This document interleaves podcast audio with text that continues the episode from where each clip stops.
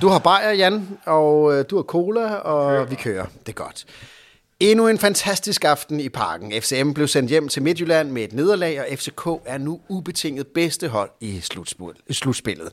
Slutspurten blev måske sat lidt, ind, lidt sent, men for søren det bliver spændende de næste fem dage, hvor vi skal se, hvordan det hele fordeler sig.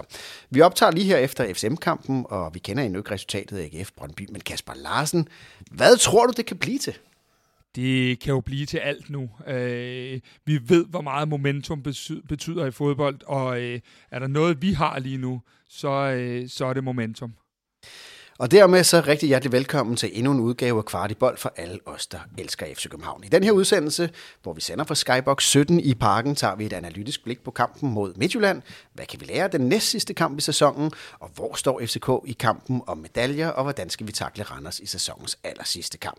Og så skal vi tale om ugens Pelle Peter-effekt med Pelle Peter. Lyt med senere i programmet. Det er en opløftende snak om kærligheden til vores klub. I studiet i dag er Kasper Havgård og Kasper Larsen. Og det her program, det er sponsoreret af JobSherpa. De øh, hjælper dig med at gøre dig attraktiv over for potentielle og interessante arbejdsgivere. JobSherpa skærper din profil, laver din ansøgning og skriver dit CV og gør din LinkedIn-profil til en lækker bisken for arbejdsgiverne. Læs mere på jobsherpa.dk, der ligger et link i shownoterne. Og så skal vi byde rigtig hjertelig velkommen til dagens gæst. Det er Jan Eliassen. Velkommen til, Jan. Tak skal du have. Det er dejligt at være her. Jan, det er jo... sådan skal det lyde.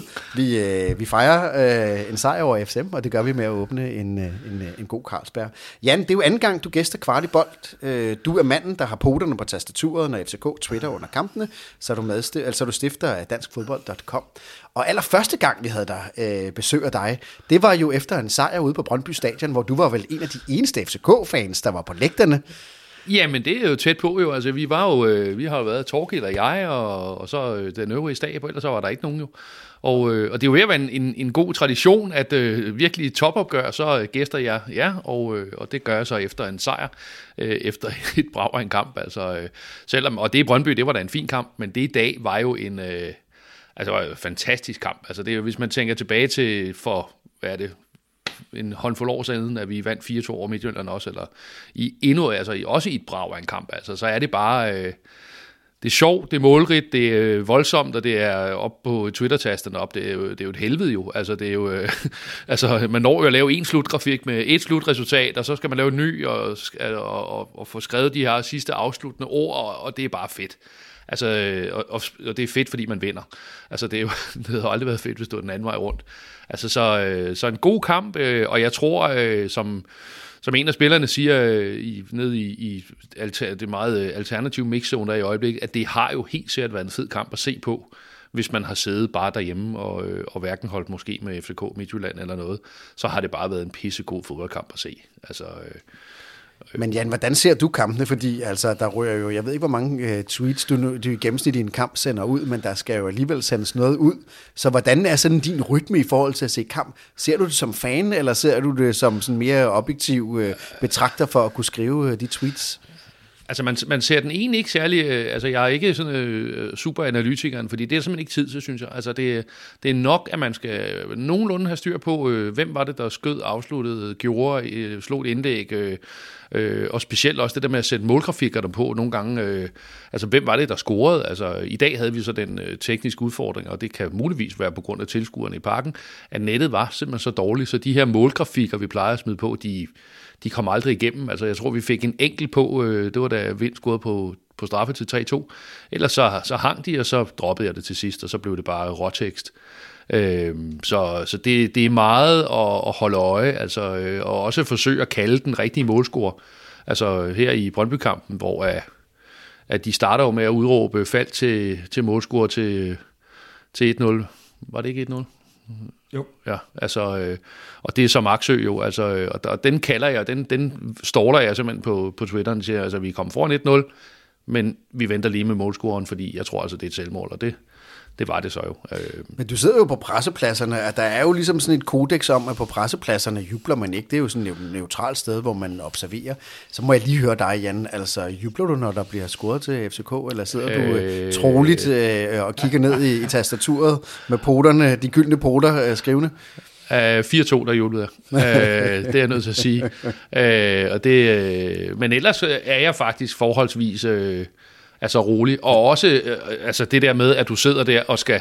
Du har, du har, nogle, en, du har en opgave, du skal lave, og den, den skal du sådan have banket afsted, og derfor så bliver man også i en vis grad nødt til at, at lige øh, have en meget kort jubel, hvis det er. Så det er sådan en... Ja, og så er det det. Men nu er du jo også en, du virker som en meget rolig, velafbalanceret mand, så, så, så man kan sige, det falder måske ikke så fjernt også at gøre det på, på pressepladserne. Ja, nu hører min kone formodentlig ikke det her, så, øh, så, øh, så jo, jeg er, øh, synes ja, jeg egentlig forholdsvis ja. øh, Men Kasper, der. hvad hedder det, du var jo på, øh, på pressepladserne i kampen mod øh, Nordsjælland op i Farum, og du har formentlig min umiddelbare analyse, uden at jeg er klinisk psykolog eller, eller uddannet inden for det, lidt sværere ved det end Jan ved at sidde på hænderne, når, der, når, det, når det går godt for FC København? Det var, det var meget, meget svært, men, men gudskelov sad Jan jo tre rækker bag i, og så kunne jeg jo lære fra mesteren der, men det var meget svært, og jeg tror, at der var mine knor, de, det, det, det gjorde ondt, da jeg bankede dem op i bordet, fordi jeg ikke måtte råbe og skrige, som jeg plejede at gøre. Nu kan jeg ikke huske, om vi talte om det sidst, men altså, der er jo ingen tvivl om, at det er jo også en spørgsmål om, om kultur.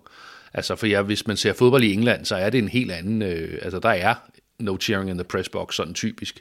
Men altså, hvis man... Øh, jeg renter, da vi mødte øh, Røde Stjerne, hvor der jo var, jeg ved ikke hvor mange, hvad hedder det, lokale journalister med fra, fra Røde Stjerneland, altså de går jo felt amok jo. Altså der er jo intet som om... Altså, Men det er, er der det... egentlig forskel på en europæisk kamp, tænker jeg, og så en dansk kamp? Fordi man kan sige, de, det, det er der jo for eksempel på kommentatorer, der kan juble mere på en, en europæisk kamp end ja, en dansk. det, det er der ingen tvivl om. Altså når du møder... Altså jeg synes, altså, altså spe, specielt Røde Stjernekamp, også fordi er for nylig, altså deres, øh, de, de journalister, der er udsendt fra, et, fra de aviser og dagblade, der er dernede fra, det er Røde Stjernefans, hele banden, eller de agerer i hvert fald sådan, så der bliver råbt og alt muligt, altså, og også altså, kommenteret på ting, der ikke nødvendigvis er mål, men altså frispark, der ikke bliver dømt, eller frispark, der bliver dømt, eller altså, den får hele tangenten. Altså det, er, det eneste det er, at de har ikke fadøl, vel? Altså ellers så, øh, så er det bare øh, fans med kuglepinden, ikke? Men altså, jeg har jo selv øh, arbejdet som journalist i, i Madrid, øh, hvor jeg var inde og se alle øh, Real Madrids kampe,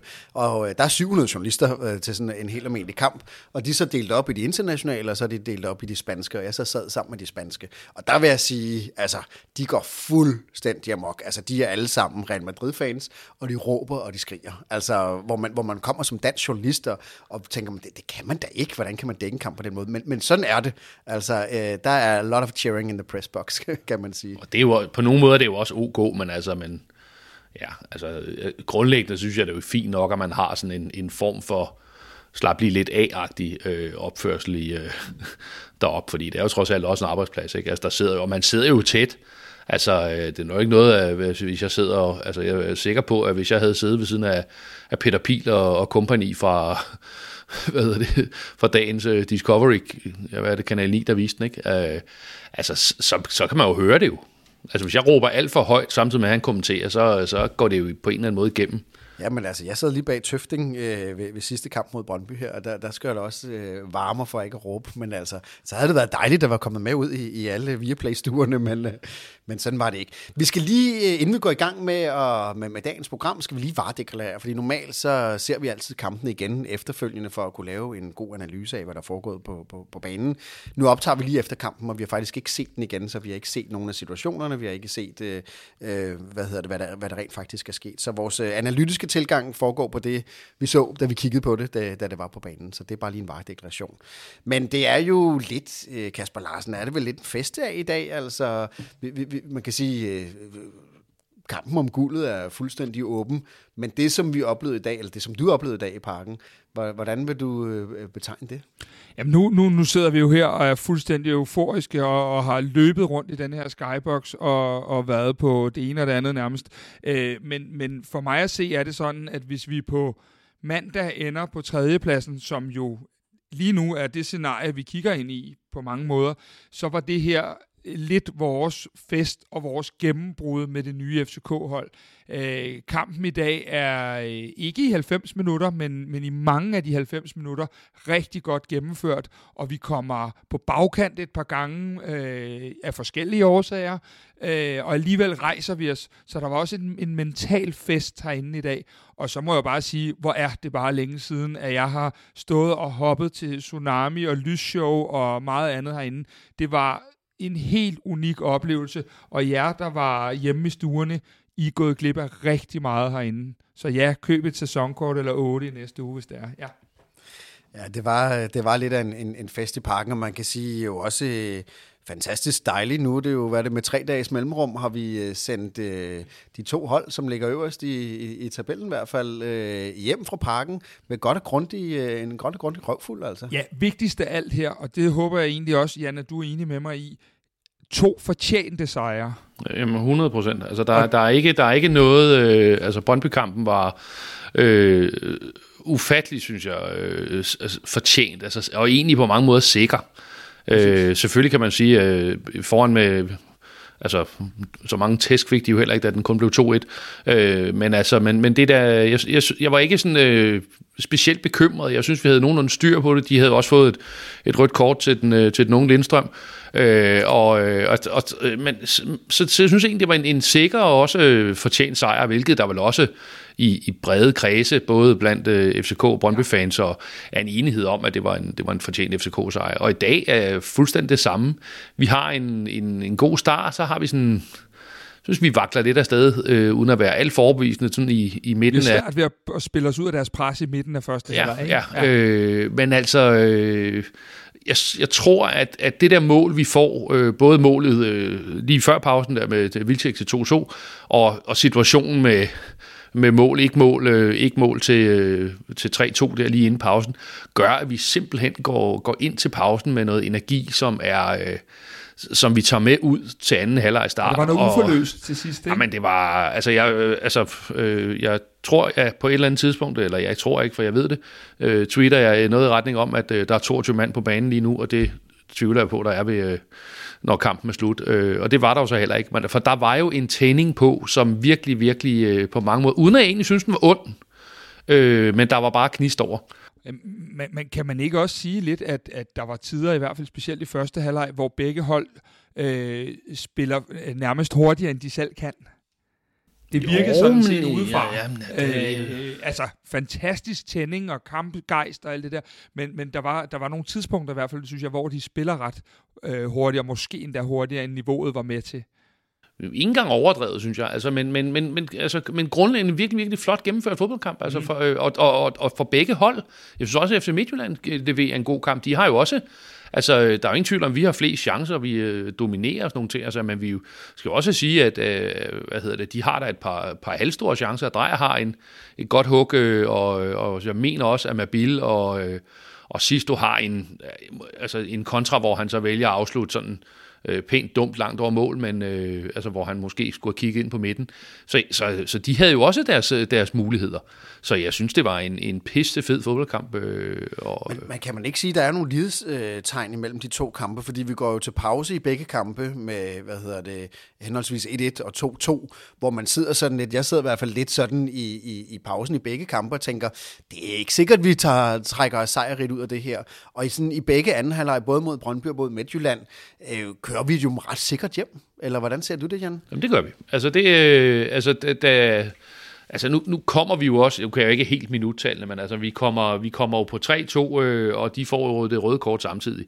Altså, øh, og, og jeg synes, at, at fra det øjeblik, at det er straffespark, det er endnu en gang at sparke ind af Jonas Vind, øh, ja, øh, så er der jo ikke nogen tvivl de sidste kvarterer. De har vel ikke noget for alvor. Øh, og, og så er det jo også fuldt fortjent, at Darami han øh, får lov til at lukke til... Men der er jo nogle lighedstegn det der med, at vi altså begge, både i Brøndby-kampen og FC Midtjylland-kampen, får de en mand vist ud, og vi kan egentlig køre den rimelig, rimelig sikkert hjem. Og så kan det sikkert alle andre end FCK-fans stå og sige, at det er også typisk øh, FCK, og det er held og det ene eller andet. Men begge røde kort er vel øh, helt okay, ikke? Eller hvad? Altså Lindstrøm-kortet, det er der ikke nogen tvivl om. Det, den er, det, det, det, det tror jeg alle er enige om. Men det i dag, synes jeg egentlig også, er, det kan virke lidt hårdt, fordi der er jo ikke, der er jo ikke en... Øh, der er ikke nogen ond hensigt i det, han laver, men, øh, men som jeg husker og kender fodboldreglerne, så fordi han hiver ham ned uden at forsøge at spille bolden. Øh, så bliver det så til øh, en, fratag, en, en oplagt scoringschance, og dermed så bliver det så også et rødt kort, øh, fordi han ikke forsøger at spille bolden. Altså, det klassiske eksempel med, med, med ikke at få det røde kort, det er jo Sanka til VM 2018 der mod kroaterne, hvor han rent faktisk går ned, laver straffesparket, men fordi han prøver at spille bolden, så får han kun gult kort. Ikke? Øh, og det gjorde han ikke i dag. Øh, og huske det, der blev udvist? Ikke? Nej, jo. I dag? Ja, hvem var det, der blev udvist for dem? Det var Det Kæve. var øh, Joel Andersen. Nej, det nej, det? Nej. Okay. det var det ikke. Vi, vi skal sige her, vi, vi, som sagt, vi snakker om kampen mod... Det var Dion Cools. Ja, det var Dian Kuhs, ja. Det er rødt kort straffet. Han prøver overhovedet ikke at spille den bold. Han hiver, øh, han hiver vind ned, og, og, og så er det det. Øh, så, så, øh, så fint, altså, øh, ja. En ting, vi lige skal tale om, øh, og jeg selv været inde på det, der var jo, det var ikke sådan, at FCM var, var uden chance overhovedet, og de, og de spillede jo en ret dominerende første halvleg imod os. Men i dag, der har vi noget så uvandt som en sikker sidste skanse, synes jeg. Og det er lang tid siden, at vi har kunnet se tilbage til det som FC København, uanset hvem der ligesom har stået på kassen. Så vi skal lige vende øh, Grydebust. Kasper Larsen, hvordan så du hans indsats i dagens kamp? Altså, øh, vi har jo talt meget om Sten Grydebust, og vi har talt meget om vores målmandssituation og så videre. Men øh, det var som om, i dag var det en forvandlet Sten. Øh, jeg synes, han står en rigtig god kamp, og han har det, vi har savnet så meget. En kampafgørende redning på det rigtige tidspunkt. Og det er en fantomredning, han har der. Og i det hele taget var han jo, kom han jo godt ud i feltet. En af de bekymringer, man kunne have, det var jo netop deres øh, stærke øh, dødbolde. Og jeg synes et eller andet sted, at han øh, på mange måder står en rigtig, rigtig god kamp i dag. Hvordan ser du den øh, analyse af vores målmand i dag, Jan? Altså nu er jeg jo ikke øh, typen, der disher vores, øh, vores folk, fordi øh, det er det. Men jeg synes, at øh, jeg synes, at han står en rigtig, rigtig fin kamp i, i dag, Kryptus. Du, har ikke, du, kan ikke, du kan ikke sige, at han laver nogen fejl. Altså, at det er da muligt, der er lidt små fejl, men altså, hvem gør ikke det? Men han, laver, han, han, han kommer ud de gange, han skal ud. Han kommer langt ud. Han er jo, jeg synes, han er, blevet, øh, han er rigtig god til at komme altså, langt ud af feltet. Øh, han har sådan en situation. Jeg mener, at de har øh, faktisk en situation, hvor de egentlig øh, de briller, brillerer lidt i første halvleg der, hvor han kommer langt ud, og så chipper han den over en fremadstormende midtjyde til Ankersen, som så laver et eller andet, som, som så også var, var lækkert. Altså, så, øh, Som kunne have været meget farligt, men som Nå, jo, at jo, jo, lækkert, ja, ja, nu var det lækkert jo. Altså, øh, og, og, så jeg synes, at det var fint. Øh, Men jeg og- synes jo også, det er noget med udstråling at gøre, fordi man kan sige, at jeg har været nervøs hver eneste kamp, og det har jeg også, når Kalle har stået. Men altså, de kampe, vi har set til en grydebus, har jeg været lidt nervøs, fordi hvad er udstrålingen? Er det dig, der står dernede? Er vi sikre på, at du er der? Og den følelse havde jeg faktisk overhovedet ikke i dag. Selv når Midtjylland var tæt på, så tænker jeg, at vi har en målmand, som faktisk, øh, hvad hedder det, udstråler en, en sikkerhed på en anden måde, end vi har set de andre kampe. Og jeg ved ikke, om det bare er et selvtillidsspørgsmål, eller om, eller om det er held, eller, eller hvad, hvad, hvad det er udslag af. Altså, nu skal vi jo ikke til hverken at tale nogen for meget ned eller for meget op, men det handler jo for Sten, ligesom det gør for alle andre, at han har været ude øh, i mere eller mindre halvandet år. Øh, og så er der jo så øh, altid, når man kommer tilbage, og specielt også som målmand, så er der jo det der med, at der er nogle kampe, man skal have banket noget rust af, øh, og, og det kan jo sagtens handle om, om at have fået banket lidt rust af.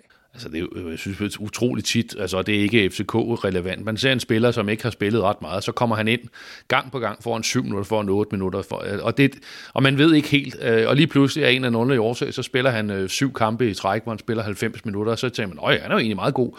Altså, og, og det er jo det der, når man, når man får trænerens tillid, og når man får muligheden, så spiller man sig i de fleste tilfælde også tættere og tættere på en, på en startplads, for det er jo, altså, vi har ikke nogen dårlige folk ansat jo. Altså, det er jo en god målmand. Altså, vandt han ikke, øh, vandt han ikke bedste keeper i Superligaen to år i træk, eller sådan noget andet, ikke? Altså, Altså, det har alle vores målmænd. ja, ja, så, så han, han er jo god jo. Altså, øh, Ja, men øh, i hvert fald så, øh, så, endte, det- så endte det lykkeligt dernede, og vi, og vi havde en, en sikkerhed. Hvis vi lige skal ligesom øh, vende forsvaret øh, mod Brøndby, var vi meget glade for Sanka. Øh, Øh, Kasper, øh, var det den samme Sanka, vi så i, i dag, eller, eller hvordan øh, ser, du, ser du hans øh, præstation i dag? Altså, set fra, fra ned se, så har Sanka tre fejlafleveringer midt i anden halvleg op igennem banen. Resten af kampen er han fuldstændig outstanding igen, og han har så mange pasninger igennem deres kæder, øh, som sætter angreb i gang, og så har han bare igen den der leder. Øh, jeg synes, han spiller en fremragende kamp. Der var lige de der tre, men det er jo øh, bagatelgrænsen trods alt. Øh, så jeg synes igen, at vi så en Sanka, der var på, på sit høje internationale niveau. Øh, defensivt gør Sanka det ufattelig godt. Altså virkelig, virkelig godt. Øh, og det er rigtigt, han har, øh, jeg ved ikke om det var tre, men han har i hvert fald to øh, sådan lidt halvrisikable afleveringer op igennem, som, som kunne være gået galt, men så er han jo heldigvis selv med til at redde de berømte kastanjer ud af ilden. Altså, så, øh, så, så jeg synes, at altså, det, det er jo hele holdet, der fortjener en, en rigtig, rigtig god karakter af en Kasper samtidig. Ikke? En af de ting, som vi havde snakket om i kampen mod Brøndby, det var jo, at vores presspil, og i virkeligheden også mod øh, Nordsjælland i kampen før, at vores presspil fungerede ek- ekstremt godt. Øh, I dag, i hvert fald i første halvleg, så kan man jo nærmest sige det med, med, med modsat fortegn, at det er jo faktisk Midtjylland, som formår at presse os rigtig godt. Øh, var, var det presspil, som vi har nu har berømmet og rost de sidste par gange, var sad det i den samme liga, som, som vi har set i de seneste par kampe? Kampens udtryk bliver jo for min stol lidt anderledes. Øh, de de øh, lægger ret meget fysisk på, øh, og, og vi har svært ved at, at komme ud af deres, i hvert fald sådan en 20 minutter i første halvleg, har vi svært ved at komme ud af deres øh, høje og, og, og hissige pres.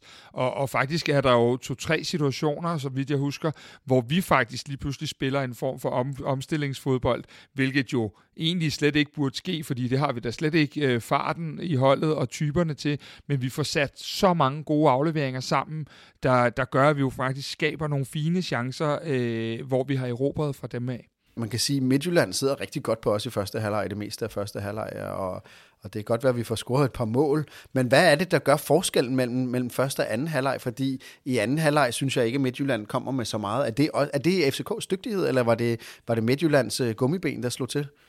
Ej, jeg, jeg, for det første, jeg synes, øh, jeg synes ikke, Midtjylland havde gummiben i dag. Det, det synes jeg ikke. Altså, jeg så deres Randerskamp, eller meget af den, der synes jeg, de havde det. Øh, I dag, der synes jeg, de leverer en, en, en, en flot indsats. Altså, der er ikke noget der. Øh, vi så bedre, men, men sådan var det. Altså, øh, og nu, nu er øh, nu kan man sige, podcastmediet er jo virkelig, virkelig dårligt til at vise billeder. Ja. Øh, men, men hvis man ser den her Superligaens, øh, den der momentumkurve, de har, så er det jo meget sjovt, det der med, at man taler at Midtjylland, de presser os i første halvleg, fordi at øh, første halvleg i momentum på, på Superligaens hjemmeside er jo nærmest en flatliner.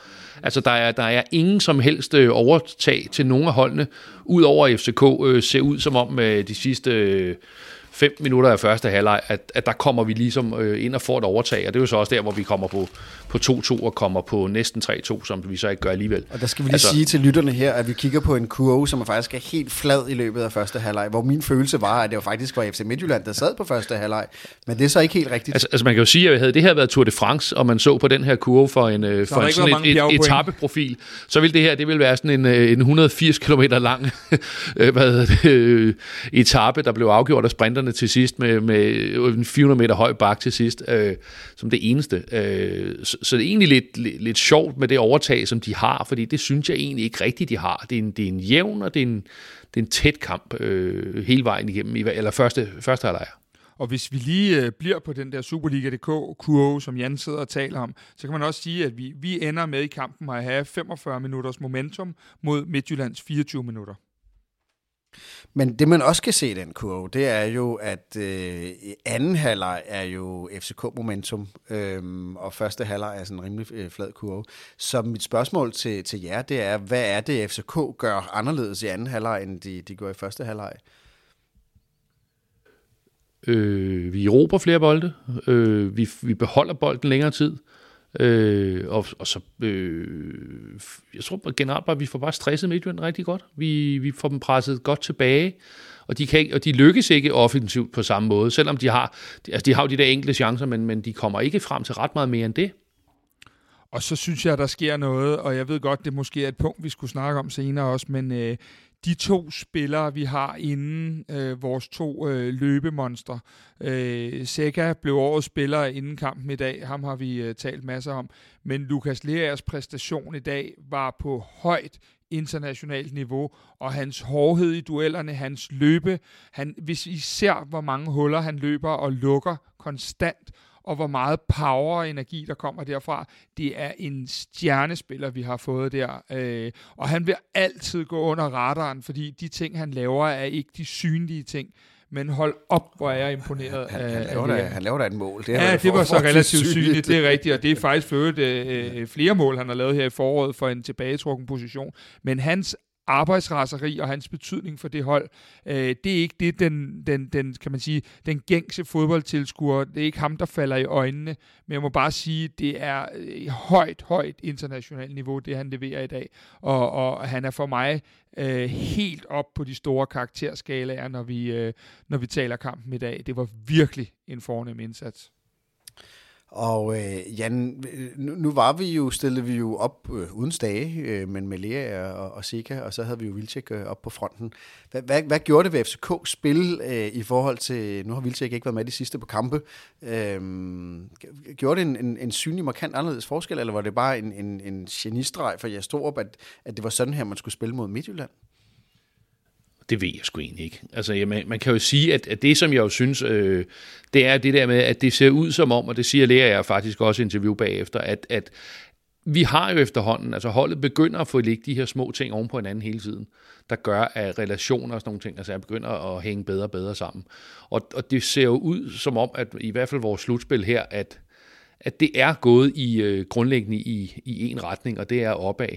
Øh, det, alt hænger bedre sammen. Øh, altså, og, og, og det er... Øh, det er jo også det, som, som der også bliver omtalt, at man er fortrøstningsfuld, både i forhold til selvfølgelig den resten af sæsonen, også kendt som kampen på mandag, øh, men, øh, altså, øh, men, øh, men også til, til den kommende sæson, ikke? At, at det her, det peger altså med pilen opad, øh, og, og det, er jo, øh, det er jo godt. Jeg ved ikke, jeg, jeg, jeg skulle ikke kløgtig nok til at sige, om hvor meget taktisk der var, var genialt i dag, men, altså, men det er vel lidt som Brøndby-kampen, de samme ting, vi gør, øh, Altså... Og som vi vel egentlig har gjort nu tre kampe i træk, både mod øh, Nordsjælland og Brøndby og, og FC Midtjylland, har vi set en anden kontinuitet, Kasper, som jo også peger fremad. Jeg synes, at noget af det, der, der lykkedes i dag rigtig, rigtig fint, det var, at jeg synes faktisk, at Camille har en af de kampe, hvor at han måske har været allerbedst i presspillet. Han stresser deres bagkæde øh, og løber rigtig mange meter. Synd for ham, at han udgår med det, der lignede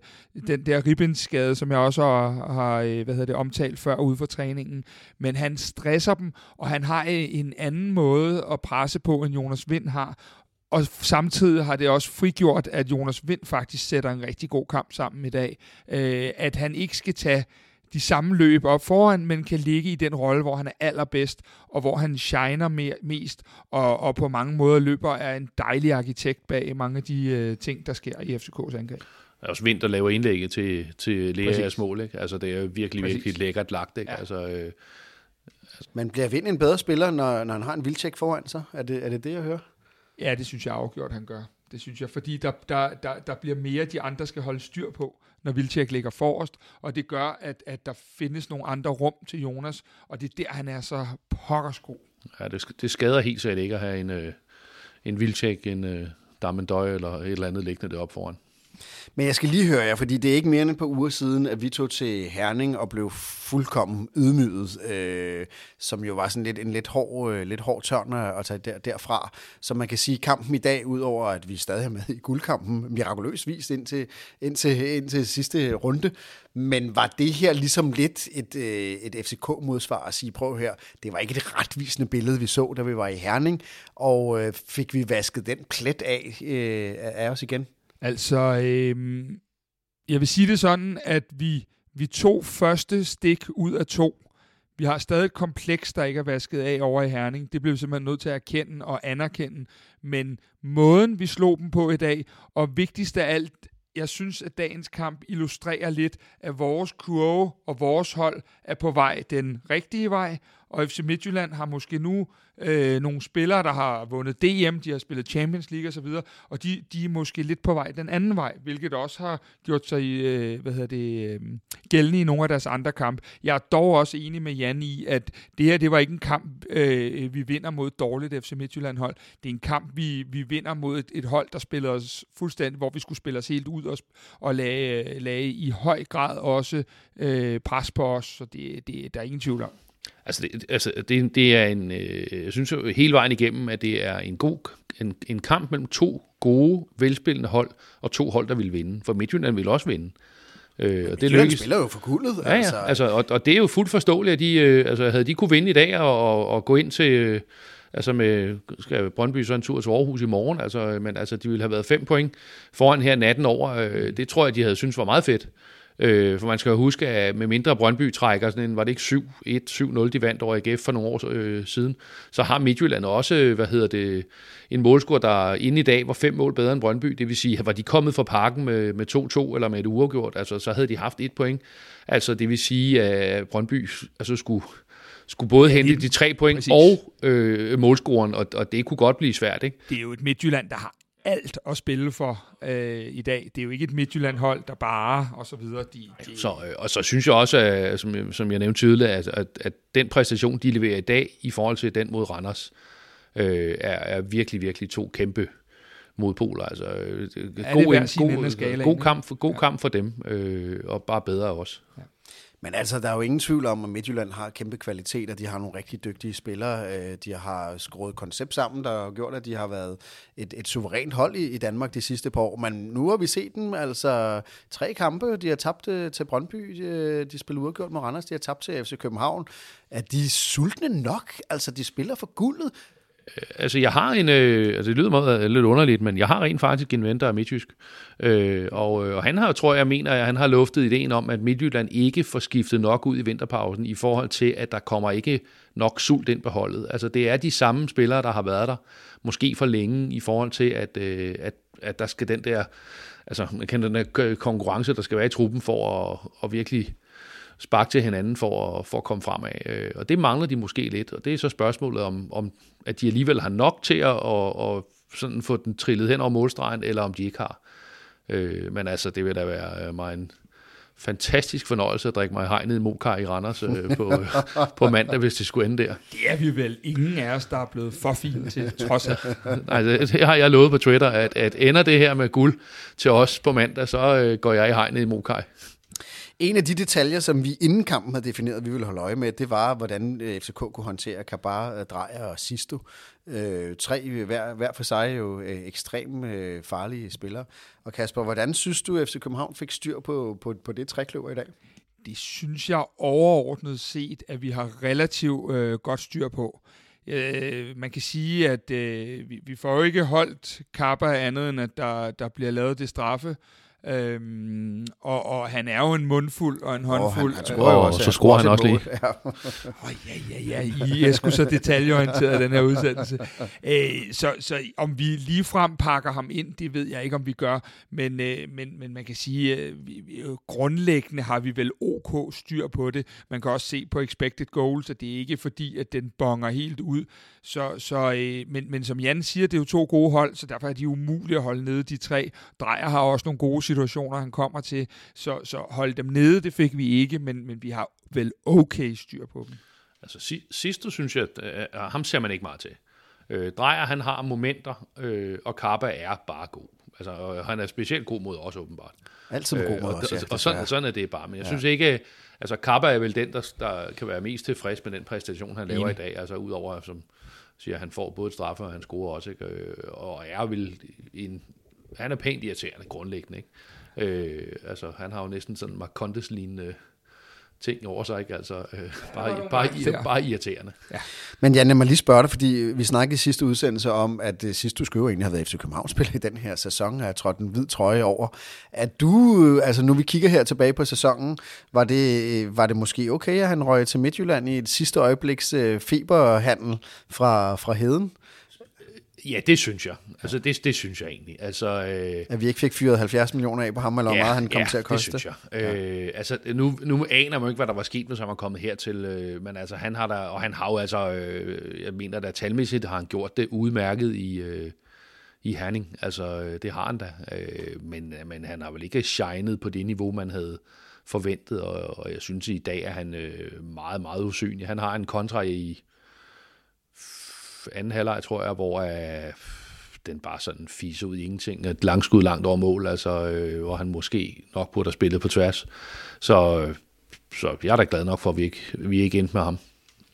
En anden detalje, som vi havde defineret inden kampen, vi ville holde øje med, det var Darami. Han havde jo et fremragende indhop øh, mod Brøndby, og så var vi sådan lidt, du ved, øh, kommer han til at optræde i startopstilling mod Midtjylland? Det gjorde han så ikke, men han havde vel også, Kasper, et fremragende indhop mod Midtjylland? Ah, men øh, hvad, hvad, der, hvad de har gjort med ham her på det seneste, for sikke en modenhed, han spiller med, og i dag fik han endelig output på os. Det er jo det, vi har savnet en lille smule for, for ham og et par af de andre.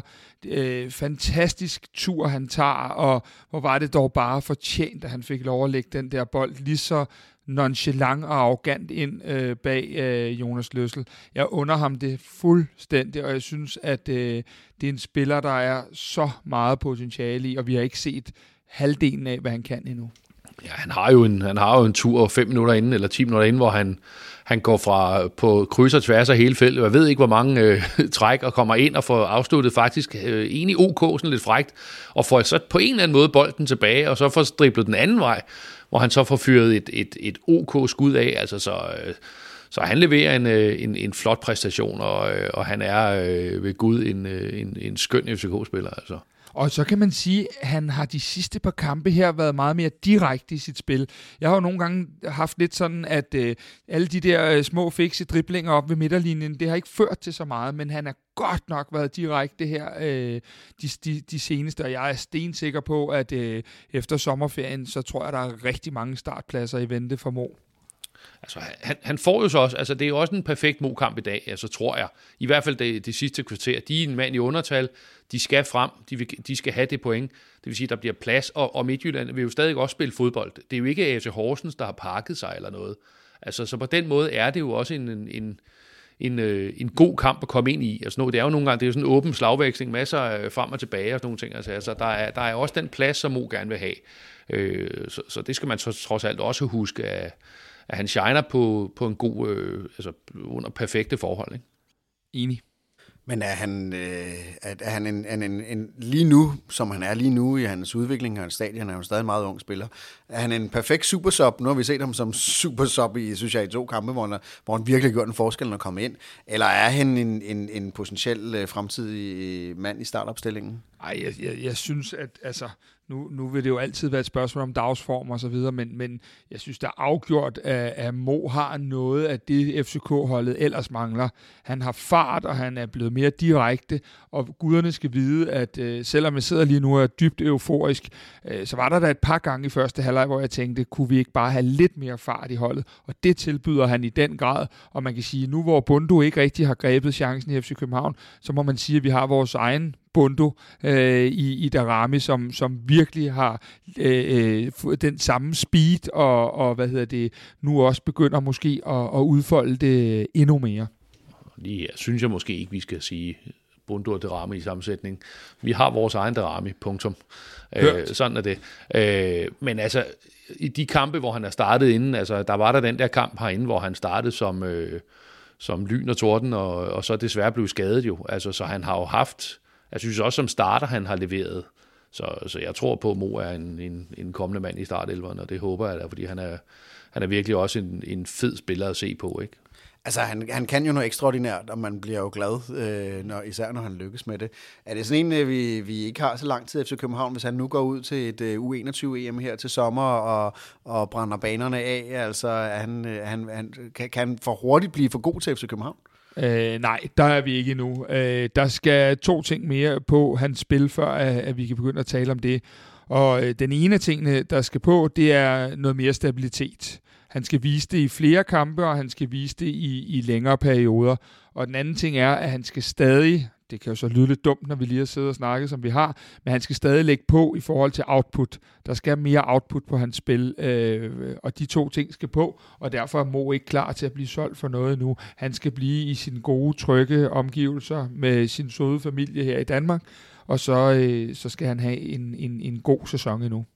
Men, altså, men det er jo den holdning, som, som vi kan have, altså, øh, fordi ja, ja, der er jo ingen tvivl om, at, at står der en eller anden klub og, og banker på og smider x millioner, øh, Øh, så, øh, og plus en god kontrakt til Mo, så, øh, så forstår jeg jo godt, at, at man vælger at hoppe afsted. Så, øh, så jeg vil da ikke afvise, at for eksempel et godt U21 øh, kunne betyde, at, at Mo han skal til et andet land efter sommerpausen. Altså, jeg, jeg har det bare sådan generelt, at med nogle af de unge spillere, at øh, jeg, jeg, jeg har nogle spor, der skræmmer lidt, øh, øh hvad hedder det, hvis de kommer for hurtigt afsted.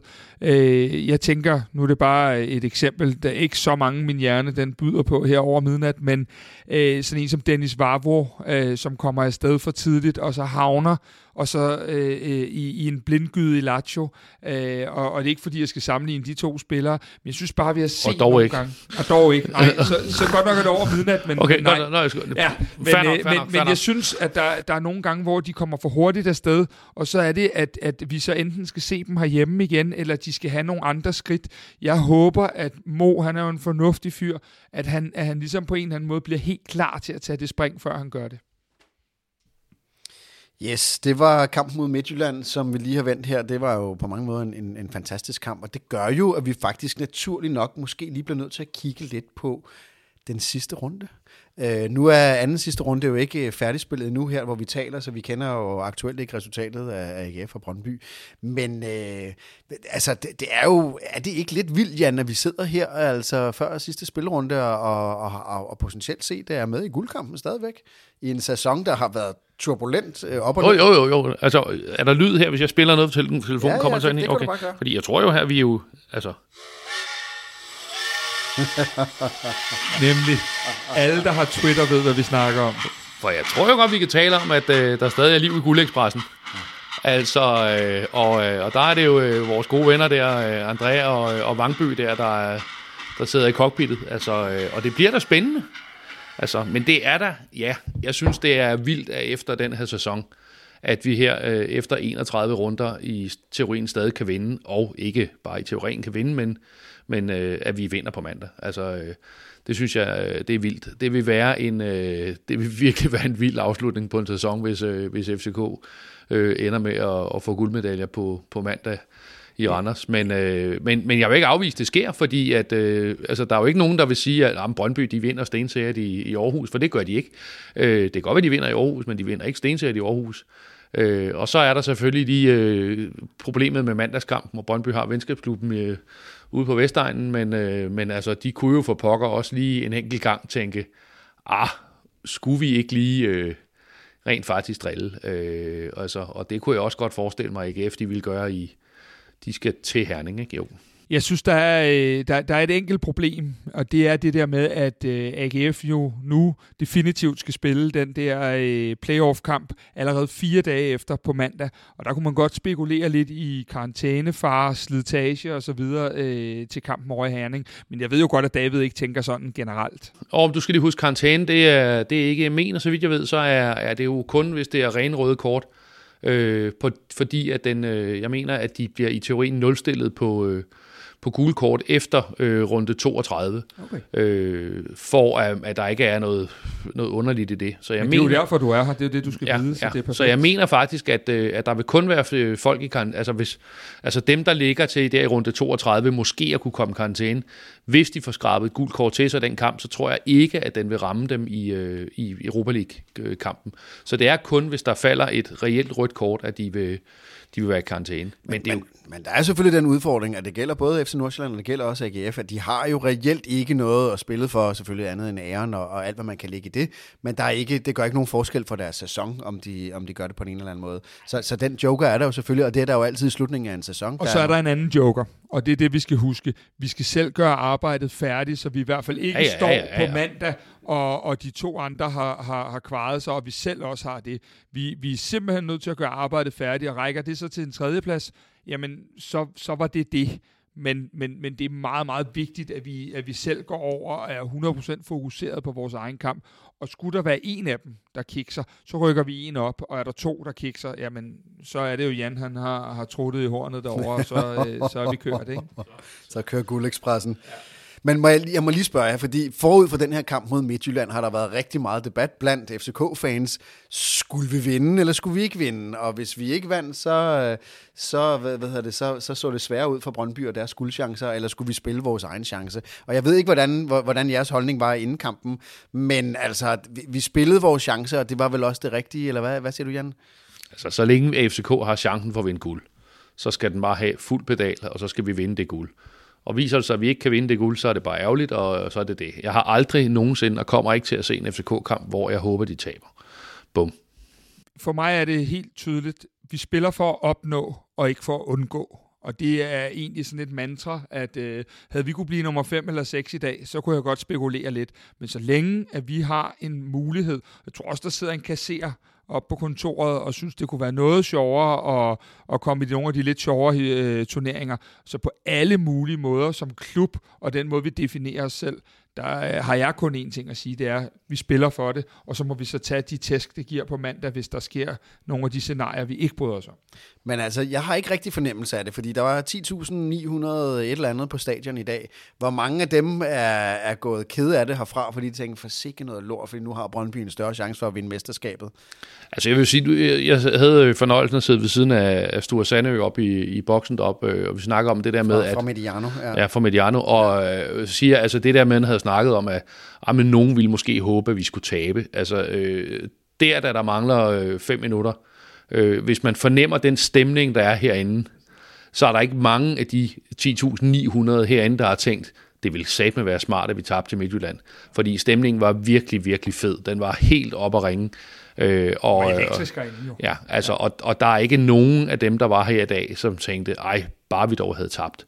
Øh, altså, og jeg har det sådan, altså... Øh, jeg håber, at FCK vinder guld. Øh, vinder FCK ikke guld, øh, så øh, ja, jeg synes da heller ikke, det er fedt, at Brøndby vinder det, men jeg synes heller ikke, det er fedt, at Midtjylland vinder det, og jeg ved heller ikke, hvem egentlig skulle vinde det. Så egentlig så er jeg sgu lidt ligeglad. Øh, der er jo ingen tvivl om, at, at øh, både dem fra, øh, fra Vestegnen og dem i Herning bliver pisse til at høre på, hvis de vinder det, men, øh, men sådan er det. Øh, vi skal vinde, vi skal vinde guldet, og lykkes det ikke, så må vi så... Øh, så er det bare det. Så har vi ikke været gode nok over hele sæsonen. Men optimalt set, så skal det jo være sådan her. Hvis vi ikke vinder guldet, så skal det være sådan det, jeg kalder en OB-sæson, som en gang imellem lige popper op og tager mesterskabet, når alle andre fejler.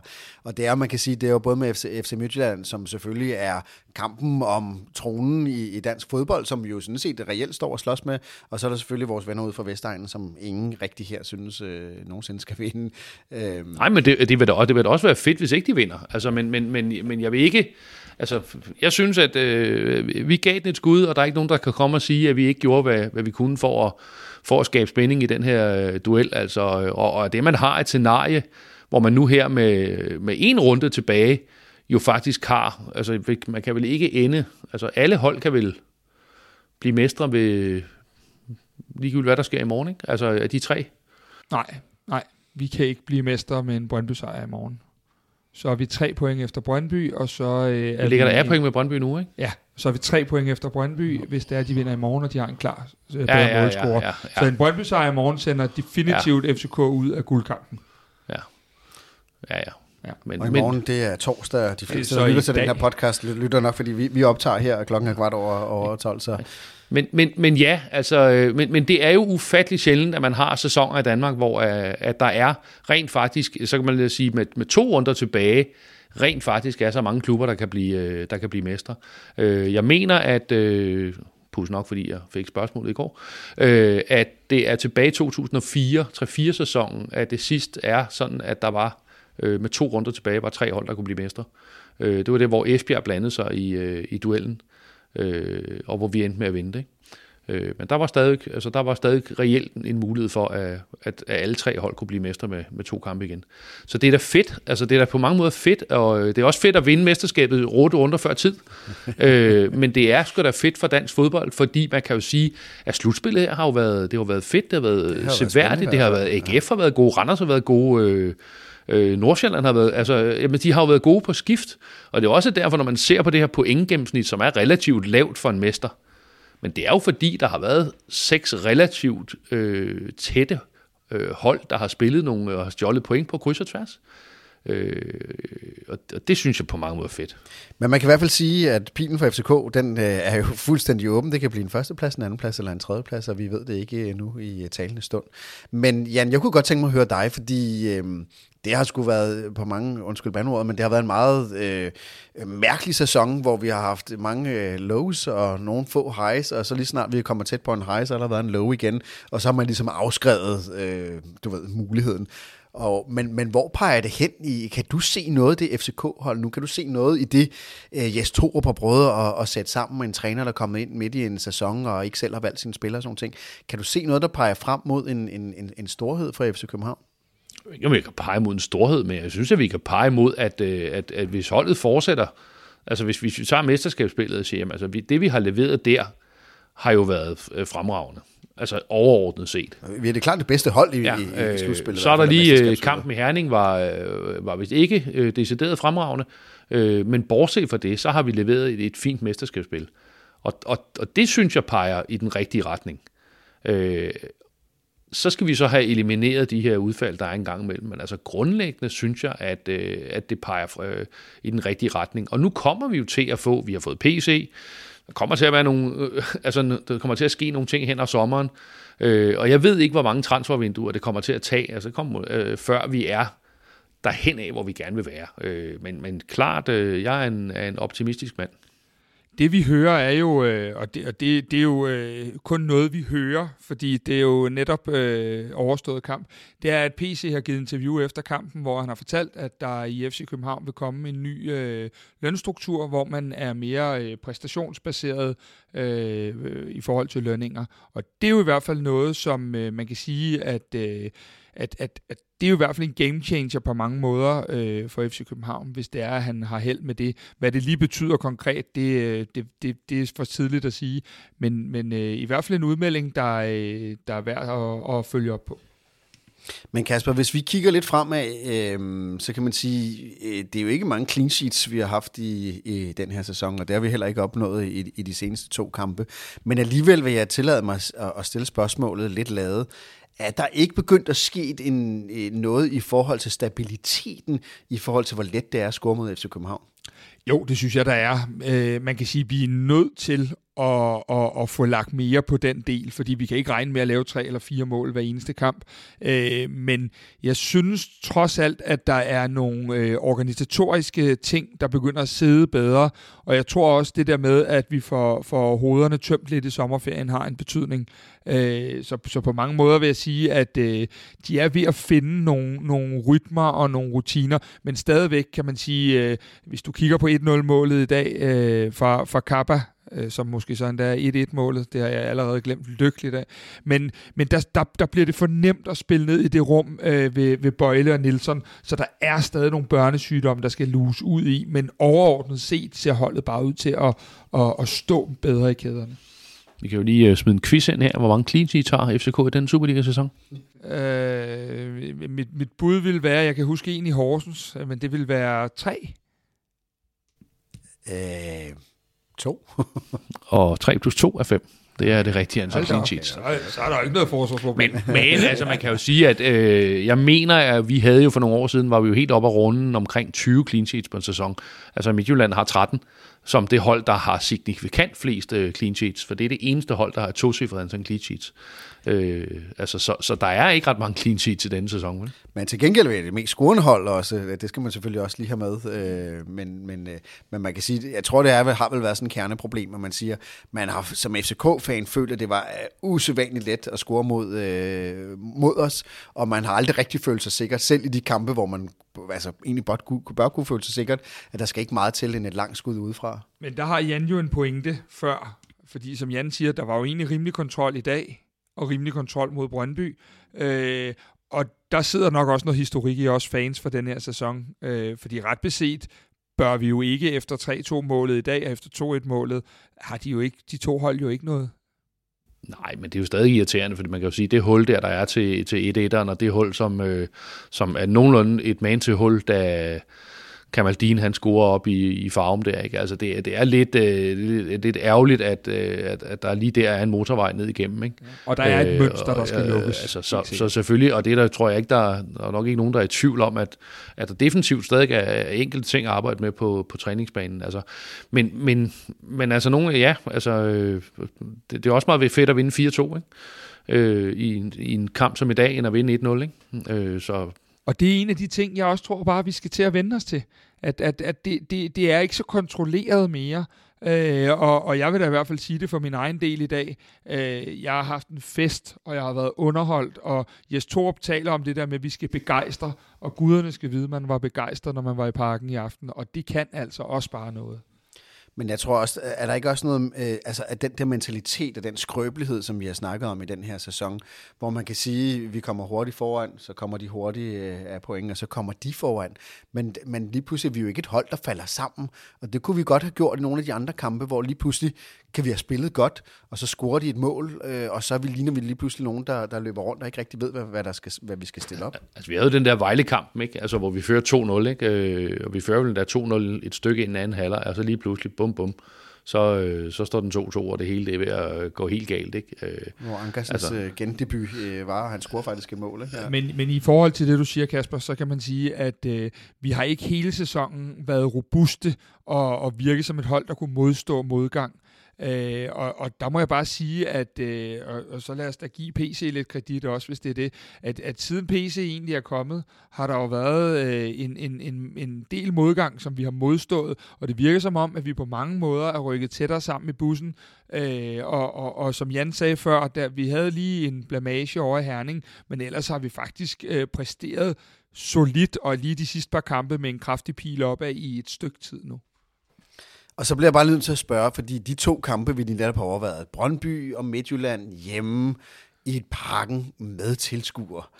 Altså, er de tilskuere det? Altså, nu, nu har det jo været en mærkelig sæson, og det er jo en, en mærkelig tid, vi lever i, og corona og alle mulige andre ting. Men er FCK også lidt et hold, som faktisk øh, øh, har en fordel af, at vi har tilskuere tilbage igen øh, i parken? Ja, det synes jeg. Altså, øh, nu, nu kan jeg jo kun tale for min egen del. Øh, jeg, jeg, jeg synes jo, at vi har siddet og set så mange kampe foran fjernsynet derhjemme, øh, og, og, og glemt lidt af den passion, det er, når man er på stadion, og selv føler, man har en andel ved at kunne bære spillerne frem det, det har jo været helt fantastisk at opleve de sidste øh, tre kampe herinde, øh, som jo så også har givet tre sejre mod de tre øh, bedste hold ud over os selv i, i, i rækken. Og jeg synes på mange måder, at øh, spillerne også virker til at respondere på det der, hvor at det er spillerne og publikum, der sammen løfter sig. Så der er ingen tvivl om, at det har gjort en kæmpe forskel. Men jeg synes, jeg så noget data her, øh, var det på de sociale medier, omkring, at de hjemmekampe, hvor der er, det gælder ikke kun FCK, men alle, men alle hold i Superligaen, de hjemmekampe, hvor der har været tilskuere inden, har man vind, vinder man 75 procent af dem. Jamen, det, er, det, er, det, er, det har været voldsomt. Nu er datagrundlaget også meget sjovt. Det var danskfodbold.com, der, ja. der smed en statistik ud. Det var dig. Øh, og, og det var, øh, det var virkelig voldsomt. Altså, det er jo så også som jeg siger, altså, relativt spinkelt, fordi den, vi lavede opgørelsen, da der var spillet øh, den første runde i den her sæson, havde jo tilskuere. Øh, og så lukkede man jo ned til den der Superliga-ordning, tror jeg, lidt, og så inden man lukkede helt ned i 0, og så har man, havde man så tre runder. Så da vi laver opgørelsen, der var der så spillet øh, 24 kampe med, med, hvad hedder det, med, med tilskuer på den, på den ordning, vi har nu. Og det var nemlig 75 procent af, af, af, altså, af hjemmehold, eller kampene blev vundet af hjemmeholdet, øh, hvorimod at i kampe med nul tilskuere øh, var det 30 procent. Øh, så, så det var, det var virkelig voldsomme tal. Ja, signifikant øh, forskel ja, i hvert fald. Altså, Selvom øh, datagrundlaget er spinkelt, så er det jo ja, øh, det, det er ret sigende i hvert fald. Ja, ja og, og, og så kan man sige, at en lille smule kan det, godt, kan det godt have en forskel, men der, er ingen, altså, der, der kan ikke være tvivl om, at det har været en fordel at have øh, tilskuere. Øh, og, og, og, og jeg tror, der er en spilleglæde. Der er jo mange ting i det, som, som hjælper. Altså, men, men der er omvendt... også en tilskuerglæde. Altså, man, jeg synes, man kan... Altså, jo, jo, jo, jo. Man har jo sagtens skulle stå i et parken med 10.000 øh, tilskuere, og det kunne have været lidt kedeligt, om man ikke rigtig, du ved, at, tilsku... at fansen ikke har været helt deroppe, men man kan sige, efter genåbningen har man også kunne mærke den der, altså glæden og passionen og blive sluppet fri igen. Og måske ikke mindst afsavnet. Øh, det at få lov til bare at komme herind, øh, det har jo i mange år naturlige årsager været en selvfølge, at man tog bilen og kørte herind og så fodbold. Øh, det har man lige pludselig været afskåret for i, i mange, mange måneder. Øh, og jeg tror, det afsavn øh, og, og, og for mange vedkommende det at få, få mange ting fra deres privatliv ud ved at komme herind og være i 2x45, øh, det betyder bare så meget. Så, så alene det at få lov at være her, at det så også er, at vi har spillet tre øh, kampe med masser af mål, og hvor at, at det virkelig har været muligt for tilskuere og spillere at, at spille på samme hold og spille hinanden gode, det er jo så bare endnu mere unikt. Og jeg vil da sige det sådan, at de åbner for sæsonkortsalget næste uge, så jeg vil kun sige én ting det er bare ind og købe, og også et til din nabo.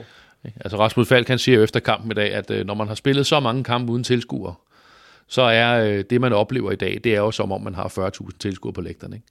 Øh, og og det, det, er, det tør jeg ved på. Altså spilleren, der har... Prøv at tænke på sådan en som øh, unge Victor K. der, som jo øh, til at starte med har aldrig spillet en fodboldkamp for, øh, for flere end, øh, end hvad der er nede i. Altså, og lige pludselig, så, øh, så er han med i kampe, hvor øh, der er fuld knald på. Ikke? Øh, det, må da være en, det må være fedt, fedt, fedt. Altså. Og så må jeg bare sige, øh, og det ved jeg ikke, om er en opfordring til FCK og så videre, også når vi nu ryger ud af Corona Times, men, men det der med, at alle tribunerne er åbne, det kan simpelthen noget. Det der med, at der er nogen og noget for alle tribuner, det, det er helt fantastisk. Vi har jo nogle gange spillet hjemmekamp, fordi vi har det største stadion i Danmark, hvor øh, øvre A eller, eller øvre B har været lukket. Det her, det kan bare noget, og det, det ser jo ud i dag, når jeg kigger rundt, ser det ud af meget mere end, end de lidt over 10.000 mennesker, der er her. Vi skal øh, som det sidste i, i dagens udsendelse øh, eller, ja, vi kommer, det er faktisk ikke det sidste, fordi vi har også et segment, der kommer lidt, lidt senere med, med ugens spil Peter. Men det sidste i vores snak her, i hvert fald med dig, Jan Eliassen, det er en optakt til kampen mod Randers. Og det er selvfølgelig svært at lave en optakt til en kamp, når vi ikke kender, øh, hvad hedder det, torsdagens resultater af, af de andre Superliga-kampe, så vi ved ikke rigtig helt, hvad vi spiller for. Men Kasper, du, du siger jo det selv øh, lidt tidligere i udsendelsen her. Hvad, hvis vi nu, øh, med det som vi kender nu, håber på, at alt flasker så det ene og det andet, så er der jo en kamp i Randers, som skal gøre os færdige færdig. Og Randers har vi jo ikke haft så let med at spille mod, øh, mod i år, og har jo også smidt nogle vigtige point mod, mod dem. Hvad skal FCK gøre for at, at tage til Randers og ende med at, at komme hjem med i hvert fald med tre point, uanset hvad det så kan række til i, i medaljestriden? Altså, det bliver jo den, den korte, øh, logiske analyse. Vi skal have alt det momentum med, vi har lavet i dag.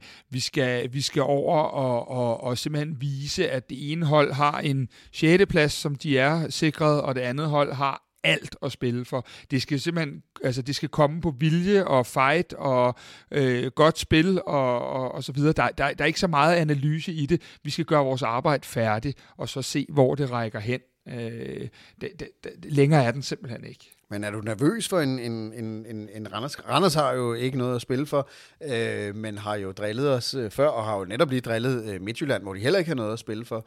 At, at, altså, FCK, er, det, er det svært? Det, det bliver en svær kamp at tage til Randers, eller hvad? Det, det, det, det gør det da, men altså, øh, når det kommer til FCK, så er jeg jo, altså, jeg er jo nervøs for at køre bilen hjem i øjeblikket, fordi at øh, lige pludselig øh, sker der ting, øh, som ikke er, er, nogen havde troet, når man kigger på, at vi har mistet, er det 32 point, vi har mistet i den her sæson eller sådan noget. Det, det, det er sådan helt surrealistisk, øh, at, at, at vi overhovedet er i den her position, hvor det kan blive til det hele. Jeg er jo stadig øh, så tilpas pessimistisk, at jeg synes, at, at det lugter af en tredjeplads, men, men bare det, at vi på mandag har sådan en, en, en eftermiddag, hvor vi skal have en 8-9 skærme øh, kørende på samme tid, for at følge med i alt, hvad der rører sig, det er jo helt fantastisk. Hvor mange kampe skal du se?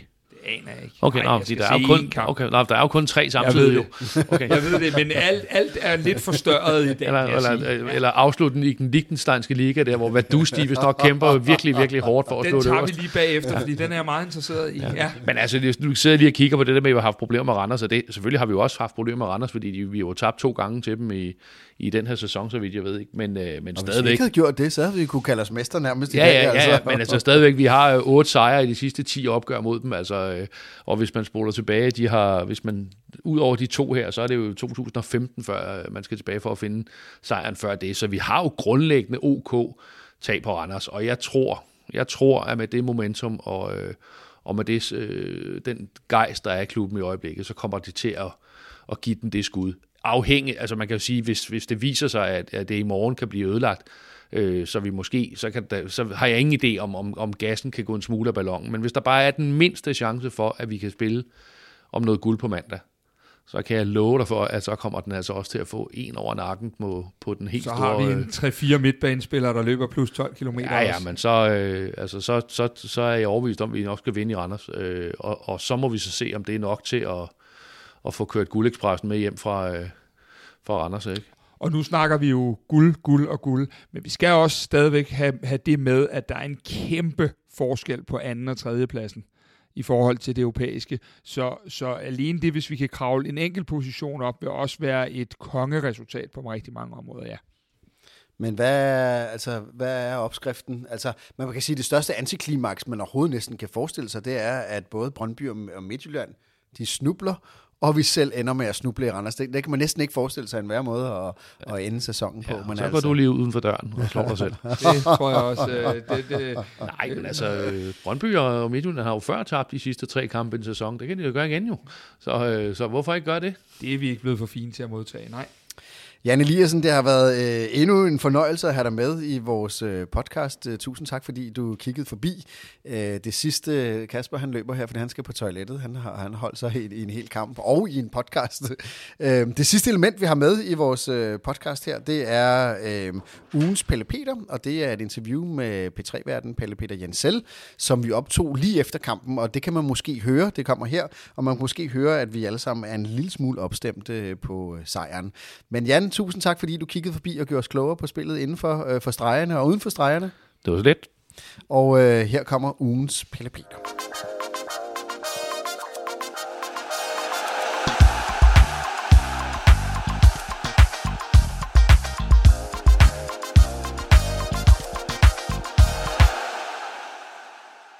Alrighty, så skal vi til øh, et segment, som er begyndt at hedde, ja, som vi har kaldt Kasper, ugens øh, Pelle Peter. Og hvorfor er det egentlig, vi har det?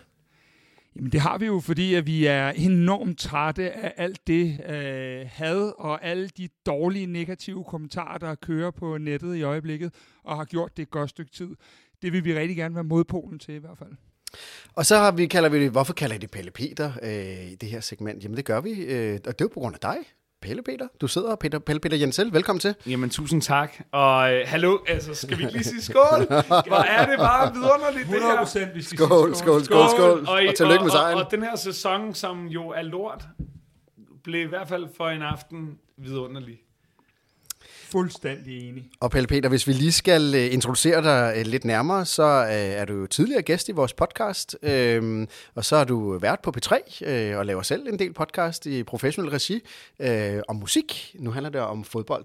Og grunden til, at vi har lavet det, der hedder Ugens Pelle Peter, det er sådan set dig, der er kommet på det, fordi da du sad i vores podcast, så opstod der alligevel et magisk øjeblik, hvor du sagde, man prøv at høre, Altså, vi bliver nødt til at huske, at folk skal have anerkendelse, og der er ikke nogen, der lever eller trives i had og nedgørelse og mobning. Og så fandt vi egentlig på, at du ved, skulle vi prøve at give noget anerkendelse til nogle af dem, som aldrig får anerkendelse, men som øh, måske i det skjulte og i kulissen knokler og, og, og gør noget godt. Og øh, på baggrund af det, så bad vi sådan set alle vores lyttere om at øh, skrive til nogle af alle de, der bør have øh, anerkendelse, Kasper. Hvordan er det egentlig gået? Jamen, det er jo gået over al forventning. Vi havde en målsætning om, at øh, vores gode spanske ven Pep Biel, han skulle have i hvert fald 50 beskeder efter vores udsendelse, og vi er langt, langt over, så det er enestående. Nej, seriøst? Ja, Ej, præcis. hvor sygt. Ej, hvor dejligt. Ja, lige præcis. Men, men, men og, og det, kan, det kan jo lyde meget poppet, og det er grineren, og hey ho, hey, og så videre. Jeg har... Øhm, lige så meget som jeg er fan af, at vi opjusterer og, og, og, og støtter folk, som har, som, som, som måske er blevet lidt glemt eller overset, så er jeg jo også meget modstander af, at man går ud og spytter sin galle på, på sociale medier. Det står der altså også i morgen. Øhm, jeg kan være helt ærlig at sige, at jeg har jo faktisk holdt et møde med DR's kulturredaktør, altså sådan en direktør, altså vidderligt det øverste, jeg kan komme til møde med, for at sige, kan vi ikke gøre et eller andet inden for Danmarks Radio? Jeg føler, at det er vores ansvar. Det er ikke så meget for at tage den øh, problematik ind på DR med herind, men det er bare for at sige, at det betyder rigtig meget for mig, at vi A, taler ordentligt til folk. Det føler jeg er øh, såkaldt øh, positiv afgangse. B, når vi har nogle mennesker, som enten ikke har det så godt, eller, øh, eller måske bare er blevet lidt glemt, at vi så lige minder dem om, at de er stadig på kontrakt i vores klub, og det er det, fordi de er gode, det er det, fordi de er nice, det er det, fordi de kan skabe noget, der er større end det, de tror, de er. Øhm, så det, er en, så det er egentlig ikke så politisk, eller så, øh, så cute, eller sådan. Det er egentlig bare sådan rent menneskeligt. Jeg tror på, at mennesker, der bliver set, føler sig set, gør det bedre. Og øh, jeg ved ikke, hvordan det er gået siden, at jeg sagde det der, men det er mere bare, at, at jeg i aften så jeg en grydebus, der var så fucking fed en målmand, mand. Hold kæft, hvor var god! Og så skulle man tro, at vi havde koordineret tingene, fordi øh, Kasper og jeg har jo haft øh, det, man kan kalde øh, 15 sekunders redaktionsmøde, og vi kiggede bare på hinanden og var stensikre på, at øh, det var Stens aften, det her. Det var ham, der har været overset som shinede i dag, og det er 100% ham, der skal have så meget kærlighed på, på Instagram. Især øh, en ting er de sådan helt konkrete aktioner. Grib en bold, tag et øh, skud. En anden ting er den karisma. Fordi sidst vi tre sad sammen her, der talte jeg meget om, om den der udstråling. Det der, der gør en målmand, som Præcis. også gør en Kasper Schmeichel og så videre. Det er det der med, at du lige så meget som du en målmand kan frygte et skud, så kan du også som en angriber frygte at skyde. Og det kræver altså, at der står en målmand derinde, der virker frygtindgydende. Og jeg ved ikke, om øh, han decideret har virket frygtindgydende indtil videre, men i aften, der beviste han derinde for relativt kort tid, at I kan bare skyde på mig. Jeg har den. Og I kan bare spille tilbage til mig. Jeg har den. Og I kan bare spille en lang bold op foran. Jeg skal nok løbe ud. Og altså, han virkede, som om han spillet med et andet mod i aften. Og hans, hans øh, hvis, hvis jeg sådan lige skal tage den faglige kasket på, så kan man sige, hans arbejde med fødderne, øh, det var helt unikt i dag. Øh, hvor mange bolde vi får ro på, fordi at han ikke bare sparker den tilbage i hovedet på angriberen. Der er så meget øh, i den præstation, der peger øh, på, på, på gode, anerkendende ord, det er helt sikkert. Og så har han jo også været udsat for det, man vel godt kan kalde en form for mobning. Altså en, en, en, en hets, øh, en, og, og hvad hedder det, i forhold til... Og, og, og man kan sige, Øh, der har jo været berettet kritik af Grydebust, fordi han har ikke været den sikre øh, skanse, som vi har håbet på, og som en FCK-målmand skal have. Men man kan sige, at i aften, der var han virkelig vokset. Så ugens øh, Pelle Peter er, tror jeg, enstemmigt øh, vedtaget, at det må være Sten Grydebust. Jamen, der er jeg jo faktisk der må jeg jo, så, fordi jeg, jeg er ikke i tvivl om, at øh, Grydebust godt ved, hvor god han har været den her uge. Og han skal hver uge have en besked. Men, men jeg har det jo igen, som om vi skal finde dem der, der ikke lige, dem man ikke lige vil tænke på, skulle have en besked. Men nu tror jeg faktisk, Pelle Peter, at, at øh, vi skal til at have dig med til redaktionsmøderne, fordi vores anden ting, vi nåede at drøfte i de 15 sekunder, ja. det var, vores græske ven. Jeg ved ikke, om I har set FCK's Marius. Uh, ja, Marius. det er så nice. Hvis I har set de sociale medier, hvordan er Marius han, øh, er ude og styre øh, dommerafvikling og det hele, og, og som første mand bare bryder ud i jubel efter vores derby-sejr. Ja. Han skal i den grad altså pakkes ind i fetaost og sorba i den ja. næste uge på utvivlsomt.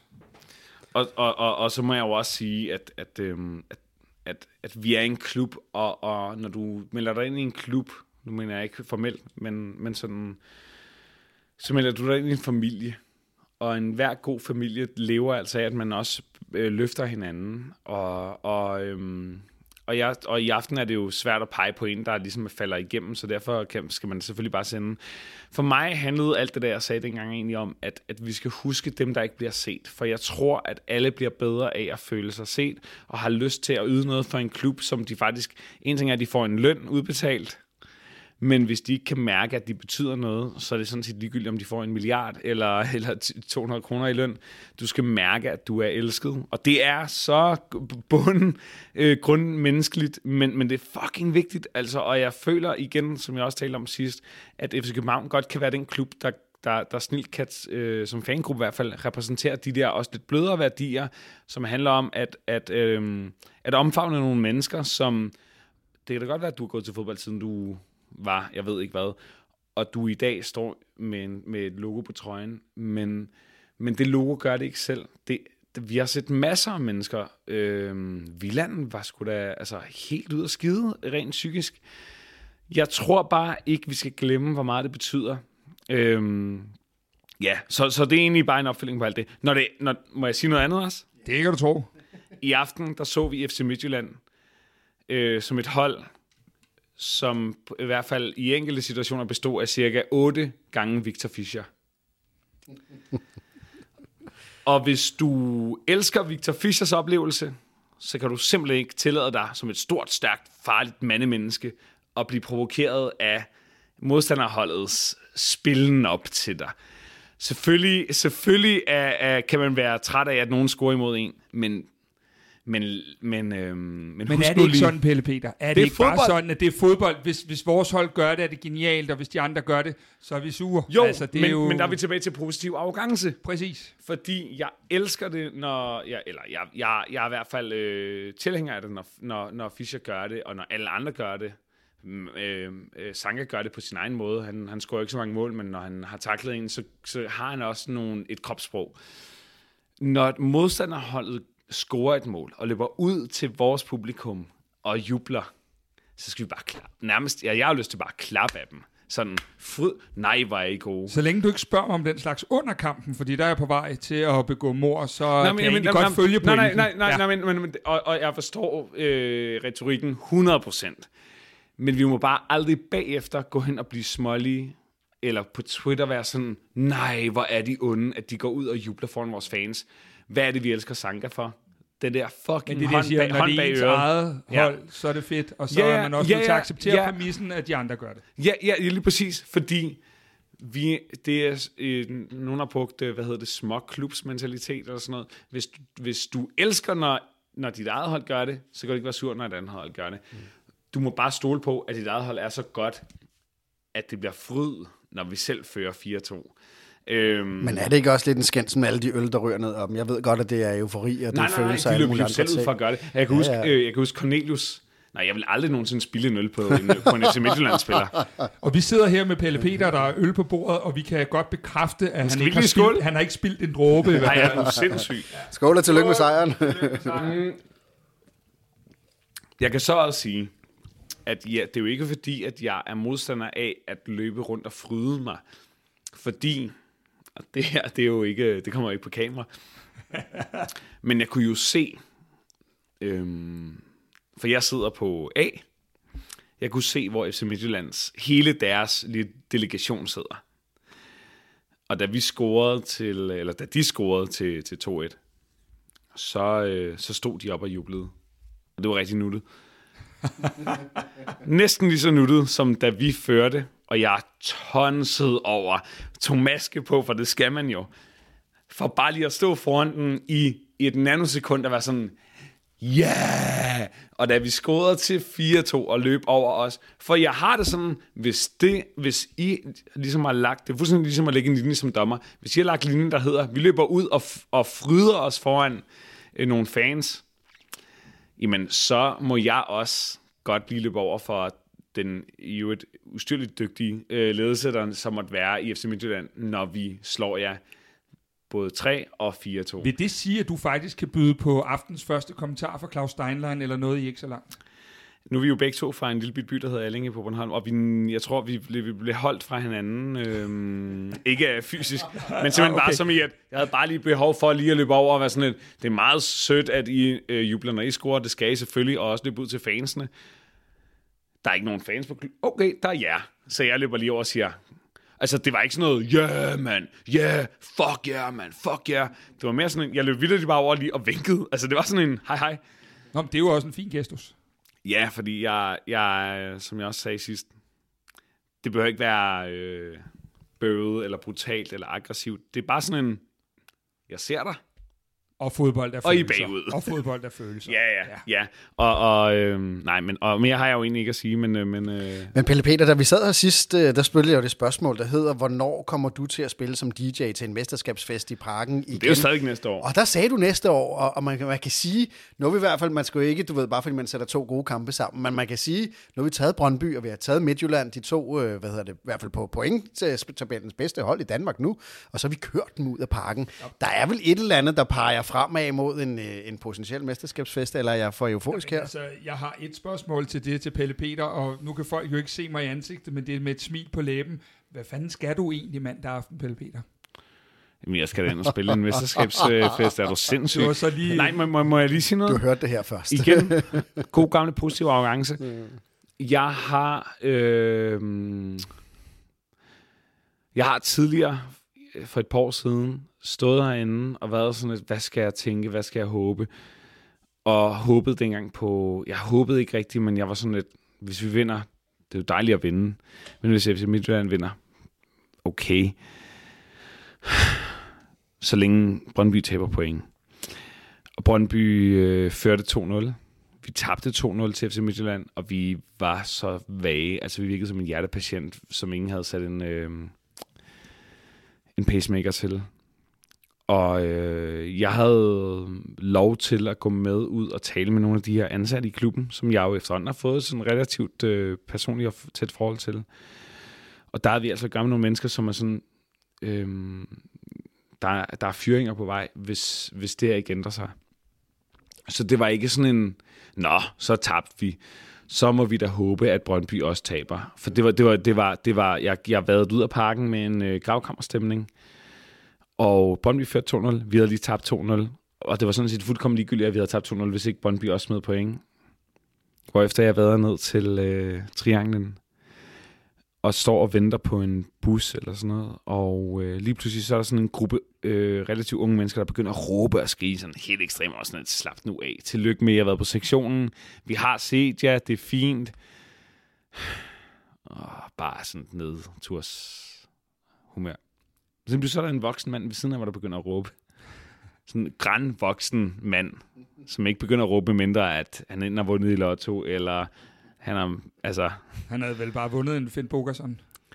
Jamen, fordi, så, hvad fanden, så tænker jeg, hvad fanden sker der? Altså, hvor, altså, nå, så er der en tredje, der begynder, og så lige begynder hele trianglen at råbe, og jeg tjekker min livescore, og så begynder jeg at råbe. Og så begynder jeg at grine, og jeg har sjældent, og det er ikke sådan en, det er ikke sådan en ha, ha, ha ondskabs, det er mere sådan en, hvor er det fucking sindssygt. Og, og, og alt bare stikker af, og jeg ender med at kramme 700 forskellige mennesker, og hele trianglen er on fire. Og jeg vil bare lige sige, på grund af den aften, kan jeg ikke tilbagevise noget som helst om mandag. Øh, og det er jo selvfølgelig fordi, at det var den aften, hvor at øh, øh, nogle dygtige mennesker fra Horsens tillod sig simpelthen at spille 2-2. Men er det ikke bare et spørgsmål om, at øh, vi så småt bare begynder at, at sætte vand over til en øh, hyggelig mandag aften? Jo, og jeg vil igen sige, øh, hvis man lige skal huske, hvad er vores gode gamle anthem, eller sådan et motto, øh, så er det jo på Danglish. Irriterende, det er et engelsk. Det er så 90 at holde et engelsk motto. Men lad os bare sige det på engelsk. Øh, success is temporary, loyalty is forever. Og om vi så vinder det mesterskab på mandag, hvilket er en mulighed, eller om vi ikke gør. Det betyder i grunden lige præcis 0 for mig. Hold kæft for har det været en vidunderlig aften, og hold kæft for har I og alle andre omkring den her klub gjort et vidunderligt stykke arbejde, og hvor jeg er bare glad for at være FC København-fan. Og ved du hvad, vi er rigtig glade, fordi du er med i vores podcast, og vi er rigtig glade for, at du nu lægger navn til en bevægelse af næstekærlighed, og super meget love til alle dem, som øh, fortjener derude. Så Pelle Peter, vi er Men glade det er jo for, det, en at du klub har er. med. Det er jo ja, det, en klub er, og vi må aldrig blive for store til at skrive en besked til et enkelt menneske. Jeg må bare lige sige, jeg tror, mange tænker mig som værende sådan en, uh, han er jo kendis og øh, får en milliard beskeder om dagen, og jeg får da et par mails og nogle beskeder, men det er nærmest uanset, hvor stor du er, altså, og det mener jeg, for jeg kender et par stykker, der har en del flere følgere end mig, du læser, hvad du får ind. Det gør du altså. Og der er fandme mange FCK-spillere, som ikke får så meget ind, hverken positivt eller negativt. Så send dem nu den kærlighed, fordi, fordi det gør fuck, en kæmpe forskel at føle sig elsket. I, uanset om du er tømrer eller fodboldspiller. Og vi håber selvfølgelig på, at noget af den her vibe, den, er, den har i hvert fald givet sig udslag i, at vi har set en Pep Biel, som virkelig er blomstret op de sidste par kampe. Vi har set en Sten Grydebus, som i dag stod en, en fremragende kamp. Og så selvfølgelig øh, tro mod dig, skal vi selvfølgelig huske, at alle dem, vi ikke ser, skal man huske at skrive til. Så Pelle Peter, tusind tak, fordi du kom forbi øh, fremragende aften i parken. Øh, og øh, husk på, at øh, du må gerne skrive din kærlighed til de mennesker, der fortjener det. Aller sidste ting. Man kan ikke se en, en, en podcast. Og I er den absolut mest sådan, kontrollerede, ordentlige corporate podcast, der findes omkring FC København. Øh. Men øh, jeg vil sige, 50% af Kasper har hoppet rundt under den her optagelse. Og, og, Kasper, vil du ikke lige fortælle? Kan, kan du ikke lige give lidt? Jamen, jeg, jeg, jeg ved ikke, hvad jeg skal sige. Nej, jeg, det var bare Og det er det, fuldstændig... vi skal have. Men det var, det var så euforisk, det var så sindssygt en aften. Det var øh, altså alt fra, fra vi kom ind, og alle de ting, der på et tidspunkt føltes, som om de gik imod os. Og så bare øh, til at, at Mo, vores egen spiller, at han bare øh, fuldstændig øh, udplacere, øh, hvad hedder det, Jonas Løssel. Og så til Lysshow og Tsunami. Og, jamen, ja, det var fantastisk. Vi holder med FC København, og det er så fedt, mand. Lige præcis. Hvis du har kunne lide, hvad du har hørt, så vil vi sætte uendelig meget pris på, hvis du vil give os en god anmeldelse i Apple Podcast-appen, eller hvor du end måtte lytte til denne podcast. Og husk, at du kan tilmelde dig vores ugenlige nyhedsbrev, hvor vi samler de bedste historier om FCK, som vi har hørt, læst og set i den forgangne uge. Der ligger et link til nyhedsbrevet i shownoterne. Kvartibold blev præsenteret i samarbejde med JobSherpa. JobSherpa er til alle, der drømmer om et nyt, fedt job. Dem med et stærkt personligt brand vinder på jobmarkedet. Bliver du set? Skiller du dig ud? Bliver dine resultater anerkendt? Med et forløb hos JobSherpa får du udviklet en personlig brandprofil, der matcher dit jobmål. JobSherpa laver din strategi, skriver dit CV, producerer din videopræsentation og optimerer din LinkedIn-profil og sparer løbende med dig om, hvordan du får åbnet de døre, der skal åbnes, så du kan nå dit mål. Prøv JobSherpa og få et bedre job. Se mere på jobsherpa.dk j o b s h e r p a.dk. Der ligger også et link i shownoterne.